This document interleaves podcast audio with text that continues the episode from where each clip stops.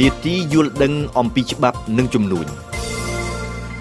នៅក្នុងនេតិយល់ដឹងអំពីច្បាប់សប្តាហ៍នេះសេញណាសូមឆ្លើយនឹងសំណួរអ្នកស្ដាប់របស់យើងជុំវិញការដាក់ទ្រព្យដើម្បីធានាបំណុលសួស្ដីឌីណាសួស្ដីគុនធីរ៉ាអ្នកស្ដាប់របស់យើងបានផ្ញើជាសំណួរតាមអ៊ីមែលចង់ដឹងថាតើអ្វីទៅជាប្រតិបត្តិការដែលមានកិច្ចធានា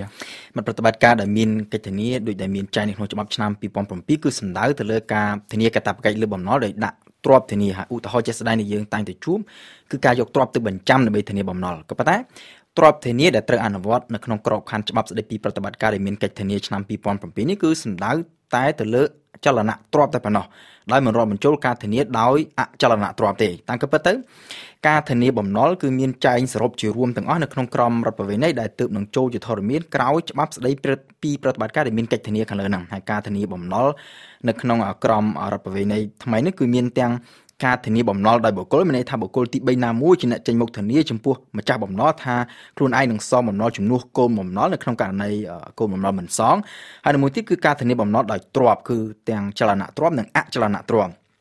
ការធានាបំណុលដោយទ្រព្យនឹងគឺជាកិច្ចសន្យាមួយដែលគោលបំណុលឬក៏បុគ្គលទី3ណាមួយផ្សេងទៀតព្រមព្រៀងដាក់ទ្រព្យរបស់ខ្លួននឹងថាជាកិច្ចធានាដើម្បីឲ្យម្ចាស់បំណុលមានសិទ្ធិទៀមទាលក់ទ្រព្យធានានឹង ដើម្បីយកលុយមកសងបំណុលដោយមានអធិភាពទៅលើម្ចាស់បំណុលផ្សេងទៀតហើយប្រតិបត្តិការដាក់ទ្រព្យធានាបំណុលនេះអាចធ្វើជាចំពោះចលនាទ្រព្យដូចជាការបញ្ចាំចលនាទ្រព្យជាដើមឬក៏ចំពោះអចលនទ្រព្យដូចជាការបញ្ចាំអចលនទ្រព្យឬក៏អ៊ីពូតេកដូច្នេះនិយាយសរុបមកវិញប្រតិបត្តិការដែលមានកិច្ចធានាដោយដែលមានចែងនៅក្នុងច្បាប់ចុះថ្ងៃទី22ឧសភាឆ្នាំ2007ស្ដីពីប្រតិបត្តិការដែលមានកិច្ចធានា គឺតកតងទៅនឹងការធានាបំណុលដោយដាក់ចលនាទ្រព្យជាទ្រព្យធានាពលគឺវាគ្រាន់តែជាផ្នែកមួយនៃការធានាកតាបកិច្ចបំណុលដែលមានចែងនៅក្នុងក្រមរដ្ឋប្រវេណីតើការធានាបំណុលដោយការប្រចាំទ្រព្យនិងធានាដោយអ៊ីពូតេកខុសគ្នាត្រង់ណាខ្លះមកជាដំបូងគូបញ្ជាក់ថាការបញ្ចាំគឺ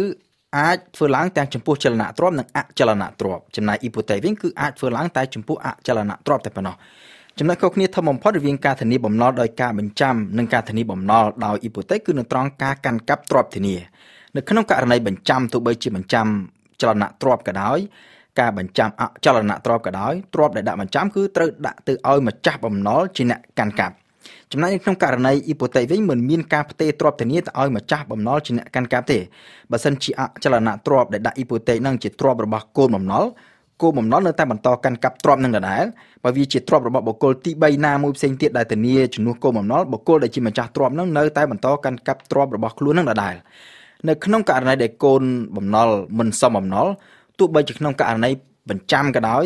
ករណីអ៊ីពូតេកក៏ដោយម្ចាស់បំណុលត្រូវសុំទៅតុលាការឲ្យលក់ទ្រព្យនឹងដើម្បីយកលុយមកសមបំណុលក៏ប៉ុន្តែมันអាចទៅរឹបអូសយកទ្រព្យដែលដាក់ធានាបំណុលនឹងទៅ រឹបអូសខ្លួនឯងហើយយកមកធ្វើជាកម្មសិទ្ធិផ្ទាល់របស់ខ្លួនឯងបានទេក៏ប៉ុន្តែនៅក្នុងការអនុវត្តនៅក្នុងសង្គមខ្មែរតាំងតែពីដើមមកយើងតែងតែឃើញមានករណីយកទ្រព្យដូចជាឡានម៉ូតូឬមួយក៏គ្រឿងអលង្ការជាដើមទៅបញ្ចាំហើយបានកំណត់គ្នាថាក្នុងរយៈពេលប៉ុន្មានថ្ងៃប៉ុណ្ណោះត្រូវយកមកលួសមកយកលុយមកលួសបើមិនលួសតាមកំណត់ទេត្រូវស៊ីដាច់តើការអនុវត្តបែបនេះជាការស្របច្បាប់ដែរឬទេអញ្ចឹងឃើញថាកន្លងមកការអនុវត្តបែបហ្នឹងគឺតែងតែកើតមានជា ធម្មតាមែនក៏ប៉ុន្តែនៅក្នុងក្រមរដ្ឋប្រវេណីថ្មីមានចែងយ៉ាងច្បាស់ហាមមិនឲ្យបង្កើតគេហៅថាកិច្ចសន្យាបញ្ចាំផ្ដាច់នឹងទេគឺមានហាមចែងហាមច្បាស់នៅក្នុងមាត្រា827នៃក្រមរដ្ឋប្រវេណីថ្មីនៅក្នុងករណីបញ្ចាំ ចលនាទ្រព្យដូចជាឡានម៉ូតូឬក៏គ្រឿងអលង្ការក្រមរដ្ឋប្រវេណីថ្មីនឹងចែងអនុញ្ញាតឲ្យម្ចាស់បំណុលនឹងអាចទាមទារយកទ្រព្យបញ្ចាំនោះមកធ្វើជាកម្មសិទ្ធិដើម្បីជំនួសបំណុលនឹងបានបើសិនជាគោលបំណុលមិនសងក៏ប៉ុន្តែការទីមទានឹងចាំបាច់ត្រូវតែធ្វើឡើងទៅតាមផ្លូវតុលាការមិនអាចធ្វើឡើងទៅតាមរយៈការកំណត់គ្នាជាមុននៅក្នុងកិច្ចសន្យាបញ្ចាំនឹងថាបញ្ចាំប៉ុណ្ណេះថ្ងៃត្រូវយកលុយមកលួបើមិនលួទេដាច់ដោយស្វ័យប្រវត្តិអញ្ចឹងទេហើយម្យ៉ាងទៀតការទីមទាយកទ្រព្យបញ្ចាំមកធ្វើជាកម្មសិទ្ធិដើម្បីជំនួសបំណុលនឹងត្រូវតែមានការវិតម្លៃទ្រព្យដោយអ្នកជំនាញទៅតាមតម្លៃទីផ្សារ បើសិនជាការវិតម្លៃនឹងទៅឃើញថាទ្រព្យបញ្ចាំនឹងមានតម្លៃលើសពីលុយដែលត្រូវសងទាំងដើមទាំងការម្ចាស់បំណុលត្រូវសងចំនួនទឹកប្រាក់ដែលនៅសល់នឹងទៅឲ្យម្ចាស់កម្មសិទ្ធិនៃទ្រព្យបញ្ចាំនឹងវិញនៅក្នុងករណីបញ្ចាំនេះណាម្ចាស់បំណុលជាអ្នកកាន់កាប់ទ្រព្យបញ្ចាំក៏ប៉ុន្តែចង់ដឹងថាតើម្ចាស់បំណុលមានសិទ្ធិប្រើប្រាស់ទ្រព្យបញ្ចាំនេះដែរឬទេបើមិនជាក្នុងករណីបញ្ចាំជាការបញ្ចាំចលនាទ្រព្យដូចជាបញ្ចាំឡានម៉ូតូនាឡិកាឬក៏គ្រឿងអលង្ការជាដើម ម្ចាស់បំណុលមានសិទ្ធិកាន់កាប់ទ្រព្យដែលដាក់បញ្ចាំក៏ប៉ុន្តែមិនមានសិទ្ធិយកទ្រព្យហ្នឹងទៅប្រើប្រាស់ឬក៏យកទៅជួលបានទេលើកលែងតែមានការព្រមព្រៀងជាមុនពីកូនបំណុលហើយការប្រើប្រាស់អាចធ្វើទៅបានប៉ះសិនបើវិជាការប្រើប្រាស់ចំបាច់បើសិនជាគ្មានការព្រមព្រៀងពីគោលបំណុលទេការប្រើប្រាស់ត្រូវកម្រិតនៅក្នុងលក្ខខណ្ឌមួយគេថាជាការប្រើប្រាស់ចាំបាច់ដើម្បីរក្សាថែទាំវត្ថុបញ្ចាំចំណុចនេះគឺមានចែងនៅក្នុងមាត្រា831នៃក្រមរដ្ឋប្រវេណីចំពោះការបញ្ចាំអចលនៈទ្រព្យដូចជាដីឬក៏ផ្ទះជាដើម ម្ចាស់បំណុលមានសិទ្ធិកាន់កាប់ទ្រព្យបញ្ចាំហើយមានសិទ្ធិប្រើប្រាស់និងអាស្រ័យផលលើទ្រព្យនឹងបានក៏ប៉ុន្តែត្រូវប្រើប្រាស់និងអាស្រ័យផលទៅតាមវិធីប្រើប្រាស់សមរម្យនៃអចលនទ្រព្យនោះមានន័យថាបើទ្រព្យដែលដាក់បញ្ចាំនឹងគឺជាដីកសិកម្មសម្រាប់ដាំដុះម្ចាស់បំណុលអាចធ្វើការដាំដុះនៅលើដីនឹងបានក៏ប៉ុន្តែมันអាចយកដីនឹងទៅធ្វើអ្វីផ្សេងខុសពីលក្ខណៈដើមនៃឧទ្ធរដូចជាយកដីដែលដាំដុះគេទុកប្រើសម្រាប់ដាំដុះស្រាប់តែពេលគេយន់មកបញ្ចាំម្ចាស់នឹងมันអាចទៅយកដីនឹងជីក ដីទៅធ្វើជាស្រះចិញ្ចឹមនៅលើដីចិញ្ចឹមត្រីនៅលើដីនឹងបានទេពីព្រោះកុំភ្លេចថានៅពេលដែលទូទាត់បំណុលចប់សពគ្រប់ហើយដីហ្នឹងគឺត្រូវប្រគល់ទៅឲ្យកូនបំណុលវិញនិយាយដល់ការដែលម្ចាស់បំណុលយកដីបញ្ចាំទៅធ្វើការដាំដុះជាងសំណួរអាចចាត់ឡើងថាបើសិនជាការបញ្ចាំត្រូវបញ្ចប់នៅមុនពេលដែលរដូវប្រមូលផលហ្នឹងត្រូវមកដល់ថាតើផលដំណាំដែលនៅលើដីដែលដាំរួចហើយហ្នឹងត្រូវបានទៅលើអ្នកណាមាត្រា834នៃក្រមរដ្ឋប្រវេណីថ្មីធ្វើការបែងចែករឿងនេះជាពីរករណី ទីមួយក្នុងករណីការបញ្ចាំធ្វើឡើងចំពោះបំណុលដែលអត់មានពេលកំណត់សងច្បាស់លាស់ទោះបីជាថាគោលបំណុលនឹងបានសងបំណុលរួចរាល់ហើយក៏ដោយបើសិនជាម្ចាស់បំណុលបានធ្វើការដាំដុះរួចទៅហើយនៅលើដីបញ្ចាំហើយរដូវប្រមូលផលនឹងត្រូវមកដល់ក្នុងរយៈពេលមិនលើសពី1ឆ្នាំក្នុងករណីហ្នឹងម្ចាស់បំណុលគាត់អាចបន្តប្រើដីហ្នឹងរហូតដល់រដូវប្រមូលផលរបស់គាត់បានករណីទី2ក្នុងករណីបញ្ចាំធ្វើឡើងចំពោះបំណុលដែលមានកំណត់ពេលសងច្បាស់លាស់ បើសិនជាដល់ពេលកំណត់ត្រូវសងគោលបំណុលសងបំណុលគ្រប់ចំនួនម្ចាស់បំណុលត្រូវបកគលដីបញ្ចាំនឹងទៅឲ្យម្ចាស់ដីដើមវិញភ្លាមទោះបីជាមិនទាន់បានប្រមូលផលលើដំណាំដែលខ្លួននឹងដាំហើយក៏ដោយផ្ទុយទៅវិញបើសិនជាគោលបំណុលសងបំណុលមុនកាលកំណត់ហើយរដូវប្រមូលផលត្រូវដល់ក្នុងរយៈពេលមិនលើសពី1ឆ្នាំហើយមិនលើសពីពេលកំណត់ដែលត្រូវសមបំណុលដែលបានព្រមព្រៀងគ្នាពីមុនក្នុងករណីនេះម្ចាស់បំណុលគាត់មានសិទ្ធិបន្តកាន់កាប់និងប្រើប្រាស់ដីបញ្ចាំនឹង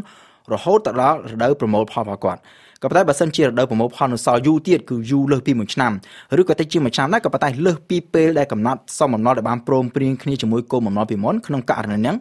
ម្ចាស់បំណុលក៏ត្រូវប្រគល់ដីបញ្ចាំទៅឲ្យម្ចាស់ដើមវិញភ្លាមទោះបីមិនទាន់បានប្រមូលផលហើយក៏ដោយ ជាសំណួរចុងក្រោយឌីណានិយាយពីការធ្វើអ៊ីពូតេកវិញនៅក្នុងករណីអ៊ីពូតេកផ្ទះឬដីมันមានការផ្ទេរសិទ្ធិ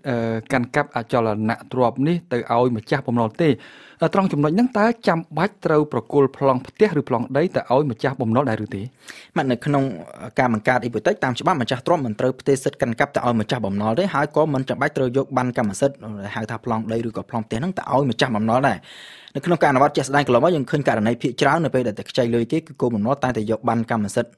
អចលនៈទ្រព្យប្លង់ដីឬក៏ប្លង់ផ្ទះហ្នឹងទៅប្រគល់ឲ្យម្ចាស់បំណុលដើម្បីធានាបំណុលការអនុវត្តបែបហ្នឹងគឺធ្វើទៅតាមក្របខ័ណ្ឌនៃច្បាប់ភូមិបាលដែលជាច្បាប់ចាស់មុនមានក្រមរដ្ឋប្រវេណីហើយនៅក្នុងច្បាប់ភូមិបាលការដាក់ទ្រព្យដាក់ចលនៈទ្រព្យដើម្បីធានាបំណុលនឹងគឺអាចធ្វើឡើងជា3រូបភាពគឺអាចជាការបញ្ចាំមានន័យថាត្រូវបញ្ចាំយកទ្រព្យទៅបញ្ចាំផ្ទេរអចលនៈទ្រព្យទៅឲ្យម្ចាស់បំណុលជាអ្នកកាន់កាប់តែម្ដងទី2គឺការធ្វើអ៊ីពូតេកដែល ការធានាទ្រព្យដែរក៏ប៉ុន្តែមិនមានការផ្ទេរសិទ្ធិកាន់កាប់ទ្រព្យនិងករណីទី3គេហៅថាការដាក់ធានាដែលនៅចន្លោះកណ្ដាលរវាងកម្មចំនិងអ៊ីពូតេកគឺគូបំណុលមិនត្រូវប្រគល់ទ្រព្យទៅឲ្យម្ចាស់បំណុលកាន់កាប់ទេប៉ុន្តែត្រូវដាក់បានកម្មសិទ្ធិទុកជាការធានា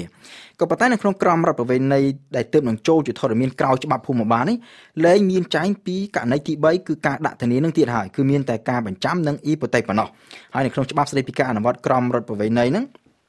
មានចែងច្បាស់នៅក្នុងមាត្រា56ថាចាប់ពីពេលដែលក្រមរដ្ឋប្រវេណីថ្មីនឹងត្រូវចាប់ផ្ដើមអនុវត្តរាល់កិច្ចសន្យាបង្កើតសិទ្ធិលើការដាក់ធានាដែលបានចុះរួចហើយមានន័យថាការដាក់បានកម្មសិទ្ធិដើម្បីធានាបំណុលទៅតាមច្បាប់ភូមិបាលចាស់ត្រូវចាត់ទុកថាជាការបង្កើតអ៊ីពូតេកយោងទៅតាមក្រមរដ្ឋប្រវេណីថ្មីហើយបើសិនជាកិច្ចសន្យាហ្នឹងត្រូវបានចុះបញ្ជីជាអ៊ីពូតេកត្រឹមត្រូវរួចហើយម្ចាស់បំណុលត្រូវប្រគល់បានកម្មសិទ្ធិហ្នឹងទៅឲ្យម្ចាស់ទ្រព្យវិញ អរគុណឌីណាចំពោះការពន្យល់បកស្រាយជុំវិញការដាក់ទ្របដើម្បីធានាបំណុលនីតិស្វែងយល់អំពីច្បាប់របស់សិនណានឹងវិលត្រឡប់មកជួបលោកអ្នកនឹងជាថ្មីនៅថ្ងៃប្រហ័សសប្តាហ៍ក្រោយ។